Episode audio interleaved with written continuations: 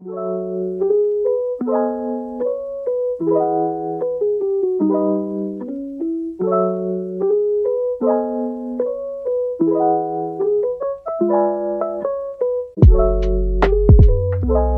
მეგობრებო. თქვენ უსმენთ პოდკასტს ყველაფერი და მე ვარ მის წამყვანი ქეთო და ჩემს გვერდით არის ანა მარია. როცა ეს პოდკასტი აიტვირთება, უკვე 26 მაისი იქნება, ასე რომ გილოცავთ საქართველოს დამოუკიდებლობის დღეს. საქართველოს პირველი რესპუბლიკის დამოუკიდებლობის დღის გამოცხადებიდან გავიდა ზუსტად 104 წელი. და რადგანაც დღეს არის ეროვნული დღესასწაული, ამიტომ გადავწყვეტეთ, რომ ეს ეპიზოდი იყოს ჩვენ საყვარელ სამშობლოზე. ფიქრობთ რომ ძალიან მარტივი არის ქვეყანას უპოვო ან ზოგადად ნებისმიერ რაღაცას უპოვო მინუსები და ამის გამო შეიძულო და გამომდინარე აქედან ჩვენ გვინდა რომ ჩვენი პოდკასტის მანძილზე რაღაც უფრო დადებითი ემოციებით და დადებითი მოგონებებით და დამოკიდებულებებით ავისოთ და მაქსიმალურად პოზიტიური კუთხით ჩავხედოთ იმ რეალობას რომელიც ჩვენს ქვეყანაში არსებობს ჩვენს Instagram გვერდზე გავაკეთეთ გამოკითხვა და მივიღეთ ძალიან ბევრი საინტერესო პასუხი რომელიც ასევე ემთხოვდა ჩვენივე პოზიციებს ამიტომ პოდკასტის მანძილზე ჩვენს იდეებთან ერთად ამ პასუხებსაც გავაჟღერებთ. რთულია გიყვარდა საქართველოს დღეს ისეთი როგორიც არის, ძალიან ბევრ ცუდ ამბებს ვისმენთ ყოველდღიურად. ბევრი ადამიანი ვერ ხედავს აქ პერსპექტივას და შესაბამისად ემიგრაციაში მიდიან. ჩემი აზრით თითოეულის ვალი არის, რომ დავრჩეთ ჩვენ სამშობლოში და განვავითაროთ ვაჟებ-შაველასი არ იყოს. პატრიოტიზმი არის იგივე რაც კოსმოპოლიტიზმი და ჩვენ სამშობლოს რომ განვავითარებთ ეს იმას ნიშნავს რომ სხვა სახელმწიფოებსაც დავეხმარებით და უკეთეს სამყაროს შევქმნით. გამომდინარე იქით, რომ საქართველოს დღესდღეობით პროდესალურ კურსს ადგას, ძალიან პატარა ქვეყანაა და ტვინის გადინება საკმაოდ მასიურია. ჩვენს ქვეყანაში არის ძალიან კარგი და დიდი რესურსი იმისათვის, რომ დაიწყო რაღაც ახალი, გააკეთო რაღაც ახალი და ამით ფაქტობრივად ისევ შენს ქვეყანას დაეხმარო, რადგან უცხოეთში ყველა რესურსი თითქმის ამოწურული არის, რადგან ყველაფერი უკვე გააკეთებულია და ჩვენი ქვეყნისთვის ნებისმიერი სახის წამოწყება თუ რაღაც სტარტაპები ძალიან მნიშვნელოვანი და ახლებურია. როცა სამომავლო პერსპექტივებში საქართველოს ფენომენს წარმოვიდგენთ, ყოველთვის რაღაც განვითარებადი ქვეყნის პროტოტიპი წარმოგვიდგება ხოლმე და ეს მართლაც ასეა, რადგან მთლიანად ამ ფაქტორების წარმართვა ჩვენზე არის დამოკიდებული. ამიტომ მიგვაჩნია, რომ ასეთი ახალი და კარგი პერსპექტივებით სავსე ქვეყნის დატოვება არც თუ კარგი ვარიანტია. ერთადერთი გამართლებული ვარიანტი, რომელსაც მივიჩნე, მე პირადად არის, რომ მაგალითად წავიდეთ უცხოეთში ვისწავლოთ და შემდეგ ეს ცოდნა ისევ ჩვენს ქვეყ ქვეყანაში დავაბანდოთ ასე ვთქვათ. მაგრამ ისიც აღსანიშნავი არის, რომ საქართველოსშიც შეიძლება საკმაოდ კარგი განათლების მიღება. აი პირველად როდესაც ჩავაბარე თავისუფალ უნივერსიტეტში, აი პირველი ორი კვირა დავდიოდი პირდაღებული, მეთქი აქ სად მოხდი, ანუ იმდენად მოხიბლული ვიყავი ამ ლექციის ფორმატით და ლექტორებით და მათი ცოდნით და ზოგადად ანუ იმდენად საინტერესო საგნებს სწავლობდი, რომ აი მართლა რაღაც ისეთი შეგრძნება მქონდა რომ ოცნებას ვიხდენდი, იმიტომ რომ სკოლა დიდად არ მიყვარდა. ერთი სულ მქონდა, როდის ჩავაბარებდი უნივერსიტეტში და ძალიან კარგად მახსენდება ეს ადაპტირების პერიოდი. ჩემ შემთხვევაში ეგრე არის ანუ სკოლაში ყოფნის დროს ყოველთვის ცდილობდი ხოლმე რომ აი დანაკლისი რაღაც ცოდნითა და რაღაცა სოციალური აქტივიზმით შემოსულ და სულ ტრენინგებზე რაღაც რაღაცებს დავდიოდი ხოლმე. და როცა უნივერსიტეტში ჩავაბარე და რომ მივხვდი რომ მასალა რომელსაც ვიყენებ რომელსაც მასწავლიან უბრალოდ არის საკმაოდ ისეთი მასალა რომელიც თანამედროვეობაში გჭირდება ხოლმე. რასაც ვკითხულობდი ყველაფერი იყო ის რაც ეხლა მე ამ საუკუნესთან ადაპტირებისთვის უნდა მცოდნოდა. და რისთვისაც რეალურად სკოლას არ მოუმზადები ვარ და რაღაცების მოძიება მიწოდა ხოლმე ინდივიდუალურად. თუმცა უნივერსიტეტში ჩაბარების შემდეგ მქონდა ეგეთი განცდა, რომ რასაც ვსწავლობ, სამომავლოდ ძალიან გამომადგება და ვიცოდი, რომ ეს ყველაფერი უნდა ვისწავლო არაქულის გამო, არამედ იმისთვის, რომ აუცილებლად მომავალში რაღაც მომენტში ეს შეიძლება გამომადგეს. შეიძლება კი რა აუცილებლად გამომადგება. და მიუხედავად იმისა, რომ საკმაოდ რაღაც რთული გრაფიკი გქონდა და ყველაფერი და ყველაფერი და სტრესი და ამ და შემდეგ, მაინც ხვდებოდით, რომ ეს პერიოდი უნდა გადავიაროთ, სტრესის გარეშე არ იქნება, მაგრამ ცოტა ხანი და გავიჭიროთ და საბოლოოდ ხარისხიან ცოდნას მაინც მივიღებთ. მე სხვათა შორის უნივერსიტეტში ჩაბარების შემდეგ რადიკალურად სხვანაირად შევხედე ჩვენს ჩვენი თაობის ადამიანებს. მანამდე თუ მქონდა განცდა რომ თითქოს ვერ ხედავდი რაღაც პერსპექტივებს, უნივერსიტეტში ჩაბარების შემდეგ მივხვდი რომ ძალიან ბევრი მაგარი ადამიანია, ძალიან ბევრი ჭკუიანი, განათლებული, საღი საღად მოაზროვნე და ადამიანები, რომლებსაც შეუძლიათ რომ მაქსიმალურად ჩადონ რაღაც განვითარებისთვის, საკუთარი თავის განვითარებისთვის და იციან, რისთვის იბრძვიან, იციან რა უნდა, დაგვთ სამომავლო გეგმები და ეს ყველაფერი ძალიან inspirational იყო ჩემთვის და შთამაგონებელი. ხო, შთამაგონებელი და გამოვიყენოთ ქართული სიტყვები. კი, კი. და ეს ყველაფერი იყო ძალიან საინტერესო და იმდენად მოტივირებული დავდიოდი ხოლმე ამ იდეებით, რაღაცებით და კიდევ მნიშვნელოვანი რამ რომ სანამ უნივერსიტეტში ჩავაბარებდი, არადროს არ მქონია ისეთი განსა, აი ესეთი მომენტი, რომ სადღაც ყოფილიყავი რაღაც ნაცნობთან, მეგობრებთან წრეში და რაღაც პოლიტიკური ან ნებისმიერი სოციალური მოვლენები განგვიხილა ხოლმე. როგორც კი უნივერსიტეტში ჩავაბარე, ჩემს ირგვლივ შეიქმნა ისეთი გარემო, რომ ნებისმიერ სიტუაციაში ხალხთან ერთად განვიხილავდით ხოლმე ძალიან საინტერესო რაღაცებს და ხან მსჯელობდით ხოლმე, ხან პოლიტიკაზე მიდიოდა საუბარი, ხან რაზე ხან ეს და ნუ ეს ყველაფერი ძალიან დამეხმარა რეალურად. მ იმდენად შემოგონებელი და საინტერესო იყო ხოლმე, რომ ამ როცა უკვე ონლაინ სწავლებაზე გადავედი, ამ საუბრების დანაკლისიც კი ვიგრძენი. მე სხვა შორის სკოლაში ყოველ დასვენებაზე რაღაც ძალიან საქვეყნო საქმეებს განვიხილავდი ხოლმე.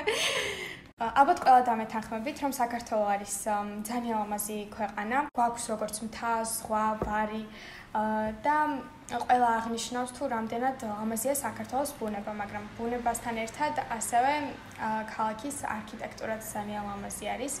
თბილისი მახსენდება პირველი ძალიან მიყვარს ძველი ძველ თბილისში სეირნობა. ასევე არ შემიძლია რომ არ გამახსენდეს სიღნაღი. ექსკურსიაზე ვიყავით კახეთში და ულამაზესი არის თან განსაკუთრებით შემოდგომაზე, როდესაც ყველაფერი არის ყვითელი და წითელი წითელფერებში. ამ სხვა შორის სილამაზეზე და ბუნებაზე Instagram გამოკითხვის ჩამონათვალში შეხვდა ასეთი პასუხი, რომ ერთ-ერთი ჩვენი მოპასუხისთვის ძალიან საინტერესო საყვარელი არის საქართველოს პოეზია და ბუნება.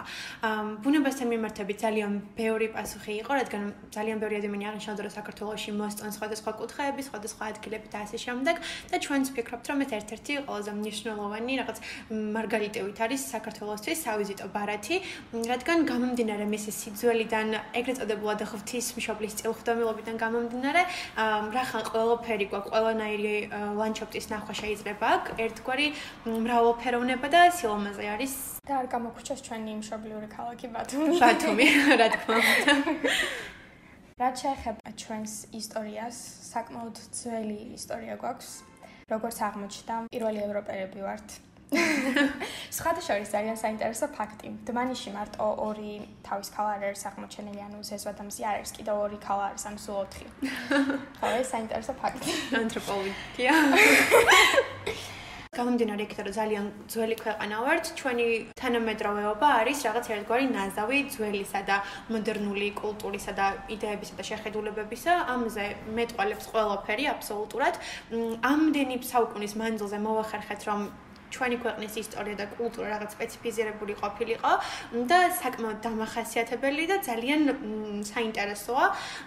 მაგისი კვლევა ყოველთვის იწევს რაღაც ბევრ კითხვით ნიშანს იქიდან გამომდინარე რომ იმდენად ღრმა და იმდენად თავისებურია რომ ყოველ ჯერზე ახალ-ახალი საკითხები ჩნდება ხოლმე საკვლევი და აქედან გამომდინარე ჩვენი ქვეყნის ისტორია და კულტურა ერთ-ერთი ყველაზე საამაყოა და სწორედ ამიტომ არის რომ მთელი ჩვენი ქვეყნის ფაქტობრივად ეკონომიკა როგორც ტურიზმზე რახან დგას ჩვენ ჩვენი მთელი პრომოუშენი არის აი ჩვენი ადგილები, კულტურა და თავარი მეღვინეობა, რომ საქართველოს ღვინის სამშობლოა. ღვინოზე გამახსენდა ახლა უკითხულობდი ამას წინათ კვლევას. და ასეთ რაღაცას ამბობენ, რომ სიამდვილეში ეს სადღეგრძელოების და თამადის კულტურა მოდის მე-19 საუკუნიდან მე-19 საუკუნემდე არც ერთ ნაწარმოებში არ გვხვდება, ან არც ერთ კვლევაში ან რაღაც მემუარებში არ გვხვდება ეს რიტუალი რიტუალი თამადის და სადღეგრძელოს და შენ მეტროში სადღეგრძელოები ხო არ გიყიდია შემთხვევით? ჩერ არა. რაღაც ისე აჭიკჭიკდი. ციტატას ავკითხავ ალექსანდრე ქერხიშვილის ნაშრომიდან ქართულ სუფრა ტრანსფორმაციის პროცესში. ნოდი აღნიშნავს, რომ სუფრა რეაქციაა რეპრესიულ გარემოზე, საუბარია რუსეთის იმპერიასა და საბჭოთა კავშირზე, როგორც მისგან თავშესაფარი ან მისი რიტუალური გათამაშება. ამ უკანასკნელს სუფრა იმით ახერხებს, რომ ქმნის არსებული რეპრესიული ვითარების შემსუბუქებულ სასიამოვნო და ავტორიტარულ ვარიანტს, რომელიც ხალხს რეალობის მიღებაში ეხმარება. ანუ მნიშვნელოვანია გავიაზროთ ამ ციტატის შინაარსობრივი და იდეური მხარე. რადგან როცა ჩვენ საზღეგრძელოებზე ვლაპარაკობთ, ყოველთვის წარმოგვიდგებოდა ხოლმე თვალწინ რაღაც ძალიან ბევრ საუკუნოვანი და მრავალსაუკუნოვანი ისტორია, თუმცა რეალურად როგორც აღმოჩნდა, მთელი სარჩული საზღეგრძელოსი იყო იმ პერიოდში არსებული მარწუხებისაგან თავის აღწევა იმით, რომ საკუთარი მომავალი და ჩვენი ქვეყანა და ჩვენი აწმყო წარმოგვედგინა სიზმრისეულ რაღაც ჩვენთვის სასურველ ვარიანტად. ხშირად ვამბობთ, რომ პატრიოტობა არ არის საფრთხეგრძელოების თქმა და იყო მოსაზრება გამოთქმული, რომ ეს საფრთხეგრძელოს ტრადიცია იმიტომ წარმოიშვა, რომ როდესაც ვიყავით დაპყრობილები, ქართული ხალხი ვერაფერს ვერ აკეთებდა და საფრთხეგრძელოების თქმა ქვეყანაზე თითქოს ამას აკომპენსირებდა აბსიცარიელს. ნიშნავანი არის გავიაზროთ ის ფაქტიც, რომ ზოგადად ქართველების מחასიათებელია, რომ როცა უკვე ძალა აღარ შესწევთ იმისათვის, რომ იბრძოლონ და საკუთარი რაღაც იდენტობა ამგვარად შეინარჩუნონ ხოლმე, თავიანთ პატრიოტიზმს სულ სხვა რაღაცაში აქსავენ. ამის ძალიან კარგი მაგალითი არის აჭარის ფენომენიც, როცა აჭარა დაპყრობილი იყო და გვაქვს ლექსი, რომელშიც ნათქვამია, რომ ჭადზე ჩუმად ჯვარს ხოტავდით ჩვენი რჯულის შესანახად. ანუ 300 წლიანი მუსლიმთა ბატონობის პერიოდში ქართველები ცდილობდნენ თავიანთი რელიგიის შენარჩუნებას ამ სახით და მიუხედავად იმისა, რომ გარეთ არაჩვენებდნენ ხოლმე ამ ბრძოლას, საკუთარ თავთან და შიგნით ჰქონდათ ხოლმე ბრძოლები და ამითი ინარჩუნებდნენ თავიანთ რელიგიურ აღმსარებლობას. დაახლოებით ამგვარი რაღაც თქმა შეიძლება საცხეგრძელოს ამ მიმართებითაც, რადგან ეს ყველაფერი იყო ჩვენი ქვეყნის, ჩვენი იდენტობის შენარჩუნებისთვის და ჩვენი, ასე ვთქვათ, სასურველი მომავლის დანახვის ერთადერთი ალტერნატიული გზა. ეს ერთ-ერთი ყველაზე დასაფასებელი თვისება, რადგან როცა ვხედავთ, რომ რეალურად სხვა ალტერნატივა არ არსებობს, საუკეთესო გამოსავალი ცოტა ხანი დაძდა შენ იდენტობის შენარჩუნება. კარგი, ახლა ცოტა ისეთ საკითხზე გადავიდეთ. ერთ-ერთი პასუხი ჩვენს Instagram გვერდზე იყო იუმორი. და პირველი, რა ვიცი, მე ვინც მახსენდება, იუმორზე არის გურულები.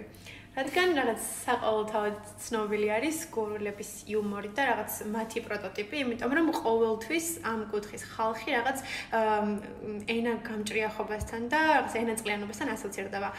ჩემთვისაც პირადად მე თვითონ გურული ვარ თან, ეს ფაქტი ძალიან გასახარებელი იყო, რომ პასუხებში ამოვიკითხე, რომ ერთ-ერთი ერთ-ერთი საყვარელი რაღაც იყო იუმორი და რა თქმა უნდა მე ისევ ჩემი წარმოშობიდან გამომდინარე გურულების იუმორზე წავედი. ამავდროულად აღსანიშნავი და ხაზგასაცმელი კახელთა იუმორიც არის. კიდევ ერთი საინტერესო პასუხი, რომელიც Instagram-ზე მივიღეთ, იყო, რომ საქართველოში მომწონს კუთხეების მიხედვით ადამიანთა მრავალფეროვანი პროტოტიპებიო. და საკმაოდ საინტერესო და შემოწმებული პასუხია, რადგან რეალურად ყოველი კუთხე რაღაც თავის დამახასიათებელ სპეციფიკას ქმნის და ინდივიდს მრავალფეროვნებას ქმნის ქვეყანაში. ერთხელ ვიყავი ბანაკში, 100 ბავშვი ვიყავით და ქართულ ბავშვებთან ყოველთვის ძალიან ხიარულება იყო და სულ რაღაცაზე ხუმრობდნენ ბავშვები და ყოველთვის სიამოვნებდა მან ყოფნა და უცხოელებზე თვად მასე მაგასაც ვერ ვიტყოდი. მაგრამ ენის ბარიერიც არის. ანუ ის ფაქტი, რომ ერთ ენაზე საუბრობთ, არის კიდევ ერთი შემაკავშირებელი და უცხოელებთან როდესაც მაქვს ურთიერთობა, ზერთად ინგლისურად ვსაუბრობ, მაგრამ ანუ იმის მიხედავთ, რომ მეტნაკლებად, ანუ ვიცი ინგლისური, სალაპარაკო ენა ვიცი, მაგრამ აი ისე მაინც ვერ გამოხატავ საკუთარ თავს როგორც ჩვენ მშობლიურ ენაზე. კი, ანუ თან იუმორიც ისეთი სპეციფიკური რაღაცა არის, რომ ყოველთვის ამახასიათებელია. მაგალითად, ეხლა მე ბრიტანული იუმორი გამახსენდა, რომ ეგენი ძირითადად სარკასტულები არიან და ცოტა სხვანაირად ესმით იუმორის პრინციპი. და აქედან გამომდინარე, მაგმხრივ კულტურული რაღაც გაუცხოებაც არის რა ერთგვარი. ხანდახან ისეთი შეგრძნება მიჩნდება, აი მე რომ რაღაც ბგერებს წავრმორთ, წავ წავრმ არ მოვთქვა. არ მოვთქვა. ანუ რაღაც ბგერები არის, რომელიც ნიშნავს რაღაც სიტყვას, რაღაც ცნებას და ამ ბგერებს როდესაც მე გამოცემ, ანუ ჩემს გვერდით მყოფ ადამიანს ესმის რას ვაპარაკობ. ეს არის რაღაც წამით გრძელდება ეს ეს შეგრძნება ეს რაღაც გაუცხოება, მაგრამ აი ზუსტად მაგ დროს ხვდები რომ აი სასწაული არის რომ აი ვუგებთ ერთმანეთს რაღაც ასოების გადმოცემით. ძალიან ბევრი ქვეყანა ვერ ფლობს იმ ბენეფიტებს, რომ კონდეს თავისთვის დამახასიათებელი სპეციფიკური ენა და დამწერლობა, რომელთაც ნამდვილად შეუძლია საქართველოს რომ დაიკვეხნოს, რადგან ჩვენი ენა საკმაოდ ძველი არის, საკმაოდ რთულიც და აქედან გამომდინარე ერთ-ერთი ყველაზე ჩემთვის პირადად ძალიან ლამაზი და უნიკალური და ასევე არის დამწერლობის პრინციპიც, რადგან საფრიაში არსებულ 14 დამწერლობათა შორის ერთ-ერთი ვართ, რომლითაც ძალიან ვამაყობს და ამის საპატივცემულოდ იმდენად ეგოცენტრული და ეთნოცენტრული ერი ვართ, რომ ბათუმში დავდგით დნმ-ის ფორმის ანბანის კოშკი და ორი სპირალი, რომელიც დნმ-ის სპირალებს აღნიშნავს, ამ სპირალებზე დავაწერეთ ჩვენი ანბანი ქვემოდან ზემოთ თანმიმდევრობით და პირიქით ზემოდან ქვემოთ თანმიმდევრობით. ეს სოდეს არ მიფიქრია, რომ დნმ-ის სტრუქტურა იყო მაგ. კი. მადლობა ჩემს ტურისტულ სააგენტოში მუშაობის გამოცდილებას. და აქედან გამომდინარე, გამოიხატება ჩვენი სიყვარული და ჩვენი დამოკიდებულება იმისადმი, რაც გვაქვს და რაც ამ იდენტობას გვინარჩუნებს. ენაზე არ შემიძლია აღვნიშნო. ну უნივერსიტეტში გვაქვს ესეთი საგანი ქართული ენა და ქართველები. პირველ კურსზე ვარ და ლექტორი გვისამს ასეთ შეკითხვას, რომ თქვენი აზრითო მეგრულიო და ლაზურიო ესენი არისო ენებიო თუ დიალექტებიო? და მაგ დროს გავიჭედე და აი ძალიან შემოცხა საკუთარი თავის რომ აი ეს არ ვიცოდი. პირველი კურსის სტუდენტმა ეს არ ვიცოდი და ну უთხრათ ხალხს ენა არის თუ დიალექტი უთხრათ? ენა არის მეგობრებო. ქართველურ ენებში შედის ქართული ენა მეგრული ლაზური და სვანური ეს ყველა ქართულმა უნდა იცოდეს. მეგრულაზური ჭანურში გადის ერთად, ხო ესე? კი. რამოდენიმე თეორია არსებობს იმასთან დაკავშირებით, თუ როგორ გამოიყო ეს ენები ქართულურ ენას. და საკმაოდ საინტერესო ისტორია აქვს ზოგადად ამ ქართულ ენებს. და არსებობს ძალიან ბევრი და საინტერესო ნაშრომები იმასთან დაკავშირებით, თუ როგორ უკავშირდება ეს ენები ჩვენს ძირეულ ქართულ ენას და თუ როგორ იცვლება ზოგი თანხმოვანი კონკრეტულად ერთი თანხმოვნით და ამის დამახსოვრებით შეგძლებთ, რომ მე სიტყვებით ააწყოთ ამის შესაბამისად. ამავდროულად საინტერესო არის ოჯახური ურთიერთობები საქართველოში. სოციოლოგიაში გავიარეთ, რომ საქართველოში როგორი ტიპიც არის ცხოვრების, რომ ბებიებთან და ბაბუებთან ერთად ცხოვრობ, თუცხოეთში ეს ცხოვრების ტიპი, რა თქმა უნდა, შეიძლება ზოგ ქვეყანაში არის, მაგრამ ზოგან კიდე ძალიან ბევრგან არ არის ხოლმე. ძირითადად ცხოვრობენ ცირე ოჯახებად, აი ბებიები და ბაბუები ცალკე და ცოლი ქმარი და შვილები ცალ-ცალკე ცხოვრობენ ხოლმე, თუმცა ამისი კულტურა საქართველოში არ გვაქვს. თანდათან შეიძლება ეს იწება რაღაც ეგრეთ წოდებული ევროპიზაცია საქართველოში და თანდათან ახალგაზრდები ცდილობენ ხოლმე რომ გადავიდნენ ცალკე საცხოვრებლად, თუმცა მაინც ეს ძირძველი ოჯახის პროტოტიპი, როგორიც არის რომ ბებია, ბაბუა და თუნდაც სამი ძმა რო იყოს და სამივე ძმის ცოლშვილები და მათი შვილიშვილები და ყველა რო ერთიანად 20 კაციანი ოჯახები ცხოვრობენ ხოლმე, ეს ყველაფერი ქართული კულტურისთვის რაღაც ძალიან დამახასიათებელი და რაღაც სპეციფიკურია. სადაც ოჯახთან ვართ აუცილებელი არის რომ ვახსენოთ ამოდროულად სტუმართმოყარეობა, რადგან პირველი რაღაც რითაც იწება ხოლმე საქართველოს გაცნობა არის რომ ჩვენი საქართველო ძალიან ძირძველია, ჩვენ ვართ მეღვინეობის ქვეყანა და ვართ სტუმართმოყარე ხალხი. ეს არის რაღაც ერთგვარი შესავალი, რომელიც ყველა ქართულს პირზე გვაკერია ხოლმე, როცა ჩვენს ქვეყანაზე ლაპარაკობთ. და უცხოელებიც ხშირად აღნიშნავენ ამას. კი. ეს ყველაფერი ალბათ გამოიხატება იმაში, რომ პატარა ერი ვართ. ერთმანეთის მიმართ გვაქვს ძალიან ოჯახური დამოკიდებულება. აი მაგალითისთვის რა ვიყოთ სადმე თუ ქართველები სადმე უცხოა ერთმანეთს შეხვდებიან პირველი ქართველები არა ვართ. აი რაღაც მაგითი ხდება დაახლოება და იქნება ერთგვარი რაღაც ქართველური სათვისტომოები ბჭალებში. და ალბათ ამ სივიწროვემ, ამ რაღაცა სულ ერთად ყოფნამ, გასაჭერის ერთად გადალახომ და რაღაცა მიმდენად დაგვაახლოვა, რომ ერთმანეთისადმი კარგ დამოკიდებულებას შემდეგ სხვა ადამიანებზეც ვავლენთ ხოლმე და შეუძლია ქართულს რომ სრულიად უცხო ადამიანი სახში მიიღოს და გამოყვებოს რაღაც დაიტოვოს ტურისტებზე ლაპარაკობ, ამას ყველაფერს უანგარო დაკეთებს ხალხი და ეს ყველაფერი რაღაც ჩვენი ერთ-ერთი საკმაოდ კარგი დამახასიათებელი თვისებაა. შენ რა სიტყვი? არ ვიცი ხა, ჩემი ხასიათის ბრალი არის თუ მართლა ამ კულტურა მიქონია ჩემს ეზე განვლა, მაგრამ აი რუმინეთიდან იყვნენ ჩემთან სტუმრად, დარჩნენ და რავი, ძალიან კარგად მივიღე და თვითონაც ძალიან ბევრი მადლობა გადამიხადეს. მე მქონია ეგეთი გამოცდილება რეალურად ტურისტულში მუშაობის დროს, რომ ზოგჯერ იყო ხოლმე ტურები, როცა ერთსა და იმავე ოჯახთან ერთად ვატარებდი ერთ კვირას მაგალითად.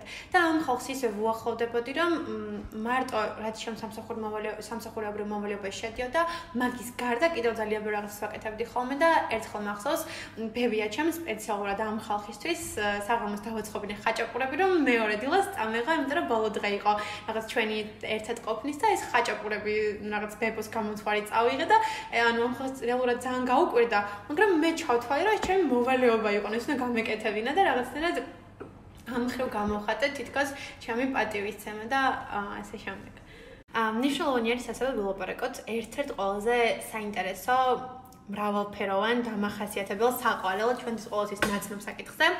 ეს არის ქართული ფოლკლორი, ცეკვები, სიმღერები, პოეზია, ლიტერატურა, ყველაფერი, რომელიც ჩვენთვის ძალიან ახლო, ძალიან საყვარელი და ძალიან მნიშვნელოვანია. ჩვენ ვიცით, რომ წერილობა საუკუნეების მანძილზე ასრულებდა მომწოდებლის როლს, თუნდაც ეს რომ დავიწყოთ ჰაგიოგრაფიიდან, რომელიც ემსახურებოდა ქართულ ხალხში რელიგიური აღმსარებლობის, ანუ ქრისტიანობის ხრივ რაღაცა მათში გულის გულში ცეცხლის ანთებას ჭალებში რომ თქვა, ანუ ქრისტიანებისკენ მოწოდებას და ხაზგასმას იმისა, რომ ადამიანები ამისთვის თავს წირავენ, დაწყებული ჰაგიოგრაფიიდან გაგრძელებული ილია ჭავჭავაძით, რომელიც იყო ერთ-ერთი ყველაზე მნიშვნელოვანი ადამიანი, რომელიც მოუწოდებდა ქართველებს გამოფხიზლებისკენ და სარკეში ჩახედვისკენ და თავისი ურიგობის მოწმენდვისკენ. აქედან გამომდინარე, მთელი წერლობა საკუთარ ზურგზე ითვისებდა იმ დილოც, რომელსაც ქართველი ხალხისთვის ერთგვარად მამოძრავებელი და მამოტივირებელი ფუნქცია ეკავა, რადგან სულ იძახდა, რომ მოძრაობა და მხოლოდ მოძრაობა არის სიცოცხლისა და გონის ჩამდგმელიო. ღონის ოღონდ. და აქედან გამომდინარე ვფიქრობ რომ წერილობა ნამდვილად იმსახურებს უტრირებას რომ ძალიან მნიშვნელოვანი, ძალიან საინტერესო, სპეციფიკური და მრავალფეროვანი გვაქვს. ასევე არ შემიძლია რომ არ აღნიშნა ჩემი უდიდესი სიყვარული პოეზიის მიმართ, რადგან ისეთი გენიები, როგორიც არის მაგალითად გალაქტიონ ტაბიძე, نيكოლოზ ბარათაშვილი, ეს ადამიანები ნამდვილად შოთა რუსთაველი ანუ ადამიანები, რომლებმაც ფაქტობრივად დაგვიწერეს ქართული ისტორია და შეგვიქმნეს სხვა შორის რეალურად არიან მიზეზები იმისა, რის გამოც ქართველები ვართ ეგოცენტრული და ეთნოცენტრული ადამიანები, რადგან ვამაყობთ ამით, რომ ამათი ხალხი, ამათი ხალხი, ამათი ხალხი და ასე შემდეგ. რაც კარგი ვართ ქართველები. რაც კარგი ვართ ქართველები ვართ. მაგრამ ეს არ არის ხო, რა თქმა უნდა. აა და ანუ თუმცა ანუ ეს ლიტერატურა და რაღაც რაღაცები ძალიან მნიშვნელოვანია, ძალიან საინტერესოა. რა სიტყვადი ცეკვებზე და სიმღერებზე? ყოველთვის აღფრთოვანებას იწევს ქართული ცეკვა და ქართული სიმღერა და ძალიან მიყვარს თან განსაკუთრებით. ეხლა რაც გავიზარდე და აი ახალგაზრდობაში ტენდენცია არის რომ აი ინგლისურ სიმღერებს უსმენენ და აი ქართული რა გოიმობა და რაღაც არა და პირველ რიგში ხო ძალიან მაგარი სიმღერები გვაქვს არა მარტო ძველი, არამედ დღესაც ქართული თანამედროვე სიმღერები. სხვა შორის მე ვფიქრობ, რომ ანუ არ დაგეთახვები მაგაში, ანუ ვფიქრობ, რომ ეხა უფრო წამოვიდა ქართული სიმღერებისადმი და ძველ ქართული ფილმებისადმი, კინემატოგრაფიისადმი სიყვარული მოწონება და ასე შემდეგ. თითქოს ვფიქრობ, რომ აი ეგ ტენდენცია ცოტა იცვლება, რომ ანუ ყველაფერში ჯერ იყო და ჰეშტეგები წერე ქართულად და რამდენიმე წლის წინ გადმოვერთეთ ფაქტობრივად მთელი საქართველოს ლათინური ალფავიტიდან ქართულზე. აი თავი თავიდანვე ქართულად წერდი და აი ძალიან ერობი მეშლებოდა რომ ინგლისურად წერდნენ და აი დღემდე მიჭირს ლათინური ასოებით ქართულად ქართული წაკითხვა. ხო, ანუ შემდეგ რეალურად წამოვიდა რაღაც აწარმოი საქართველოს პროექტები, რაღაცები. ეხლა წამოვიდა ქართული კინემატოგრაფია. Facebook-ზეც მოხდება ძალიან ბევრი გვერდები, თუნდაც მიმებს რომ აკეთებენ ქართული ფილმებიდან და ასე შემდეგ. წამოვიდა სიყვარული ყანჩალისადმი, რაღაცა ცისფერი მთები, რაღაც რაღაც და ეს ყველაფერი უფრო და უფრო რაღაც ტრენდული ხდება. და სამწუხაროდ გული მწყდება რომ ეს ყველაფერი ტრენდის გამო გვიწევს ხოლმე. თუმცა რეალურად ტრენდი არის ალბათ ერთ-ერთი მთავარი კარგი პრომოუშენი ეგრეთ წოდებული რომელიც მოახერხებს რომ რაღაც ქართულ საზოგადოებაში დაამკვიდროს ერთგვარი სიყვარული ამ ყველაფრის მიმართ. ანუ ალბათ უფრო იმის ბრალი იყო რომ ზოგადად ანუ ის არის იყო რა განათლება რა აი უყურეთ ნახეთ რაღაც რაღაც. ეხლა რა უფრო წამოვიდა თუნდაც სულ მინიმუმ მიმებში რო ხდება ყოველას იქნებოდეს რაღაც რაღაცას მოუნდება და ადგება და ნახავს და ასე შემდეგ ამიტომ ეს სიმღერები, ეს თუნდაც ქართული ფილმები, რომელიც მართლაც ძალიან საამაყო და საინტერესო არის, თანდათან ხდება ძალიან ახლო ჩვენთვის. ამას წინა შემხვდა ერთი სიუჟეტი, ანახლებდნენ რომელიღაც ქართულ ფილმს, რომელს მგონი მონანიებას. და ძალიან საინტერესოდ იყო ეს პროცესია აღწერილი, რომ აი მაშინ ხო ეს ტექნოლოგიები ხო არ იყო განვითარებული და ეხა ხმას ამონტაჟებდნენ და ასუფთავებდნენ, სადღაც ვუზი თუ იყო გაიფრენ და იმას ამოშლიდნენ და რავი, ანუ ძალიან საინტერესოდ ათანამედროვებენ ქართულ ფილმებს. ფაქტურად რესტავრაცია ფილმების. აჰა. ძალიან საინტერესო არის ეგ ფაქტორიც და მუსიკას რაც შეეხება და ფოლკლორს რაც შეეხება, როცა მუსიკალურ შტავდიოდი ხოლმე, გქონდა ესეთი საგენი ხალხური არქვა და იქ ვსწავლობდით რაღაც ხალხურ ინსტრუმენტებს, სიმღერებს, ასე შემდეგ. ბევრ რაღაც დეტალს შლიდით ხოლმე. მიუხედავად იმისა, რომ ხშირად ვაცდენდი მე მუსიკალურ და ხალხურსაც, რასაც ვაესწრებოდი, ყოველთვის გამოდიოდი ხოლმე ძალიან გაკვირვებული, იმიტომ რომ იმდენად ძველი იყო ხოლმე ეს ხალხური საკრავები და ის რაღაც ტრადიციები რომელიც მე იქმნებოდა ხოლმე ჭია კოკონობა თუნდაც და ასე შემდეგ მათი ისტორიები იმდენად საინტერესო და ამახასიათებელი იყო რომ ყოველთვის მიწოდა გაკრებას რომ ვითურმე ეს ასე ყოფილა და ვითურმე ეს აქამდე როგორ არ მწოდნია და საკრავების მიმართ რაღაც ასე თქვათ უცნაურ დამოკიდებულებას ისიც განაპირობებს რომ ძალიან ბევრი საკრავი რომელიც გვაქვს დღესდღეობით ხოლმე და მხოლოდ ჩვენის რეგიონებში არის ხოლმე, ანუ საქართველოსში არის რა და არ არის ესე საყოველთაოდ ცნობილი და რაღაც, იმიტომ რომ უფრო მეტად მაღალმთიან რეგიონებს ახასიათებთ ხოლმე თავისი სპეციფიკური დამახასიათებელი საკრავები და ესეც ძალიან საინტერესოა. ეხლა გამახსენდა ფერიკალვა და ყენობა. გახსოვს მე 6 კლასში რომ გქონდა ისტორიაში ეს გაკვეთილი. ღირაკვეთილი გქონდა? არა, ანუ სახელმწიფოში იყო მოთხრობი ვერიკალბა ყენობაზე და რატომღაც ანუ როდესაც ამ ტერმინს ვახსენებ ძალიან ბევრს უკვირს ეგ რა არისო, არა და სახელმწიფოში ეწერა მთელი ერთი ერთი გაკვეთილი სამგვერდიანი იყო, თუ რაღაცა ეგრე მახსოვს იყო ამ ვერიკალბა ყენობაზე და ერთ-ერთ ფილმშიც არის სხვა შორის ეგ ვერიკალბა ყენობა გადმოცემული და აღწერილი. და ანუ რა ხდებოდა ანუ გაზაფხული როდესაც მთავრდებოდა და შემოდგომა იწყებოდა ადამიანები იცვამდნენ კოსტიუმებს რაღაც სპექტაკლებს დგამენ თითქოს აი ეს ბუნება ყდება და იძინებს და მე რა უცებ გამოიღვიძებს და hello ანუ hello კარტა hello-ის ეძახი მე რა. და ძალიან მინდა რომ აი hello-ის მაგერად ვერიკალბა ყენობამ აუხნიშნოთ და უფრო სიღრმისეულად გამოვიკვლიოთ ეგ ტრადიცია. გამომდინარე იქიდან რომ ქართული კულტურა, ისტორია, ტრადიციები ძალიან მრავალფეროვანია, ამ საკითხზე საუბარი შეიძლება რამდენიმე საათი და რამდენიმე გადაცემა და დასჭირდეს. თუმცა დღეისათვის ჩვენი ეპიზოდი დასასრულს მიუახლოვდა და იმედი მაქვს, რომ კარგად მოვიტანეთ ჩვენი სათქმელი თქვენამდე და დაგანახეთ თუ რა გვიყვარს და რა მოგწონს ყველაზე მეტად საქართველოში. დღეისათვის ეს იყო მომავალ შეხვედრამდე და გემშვიდობებით.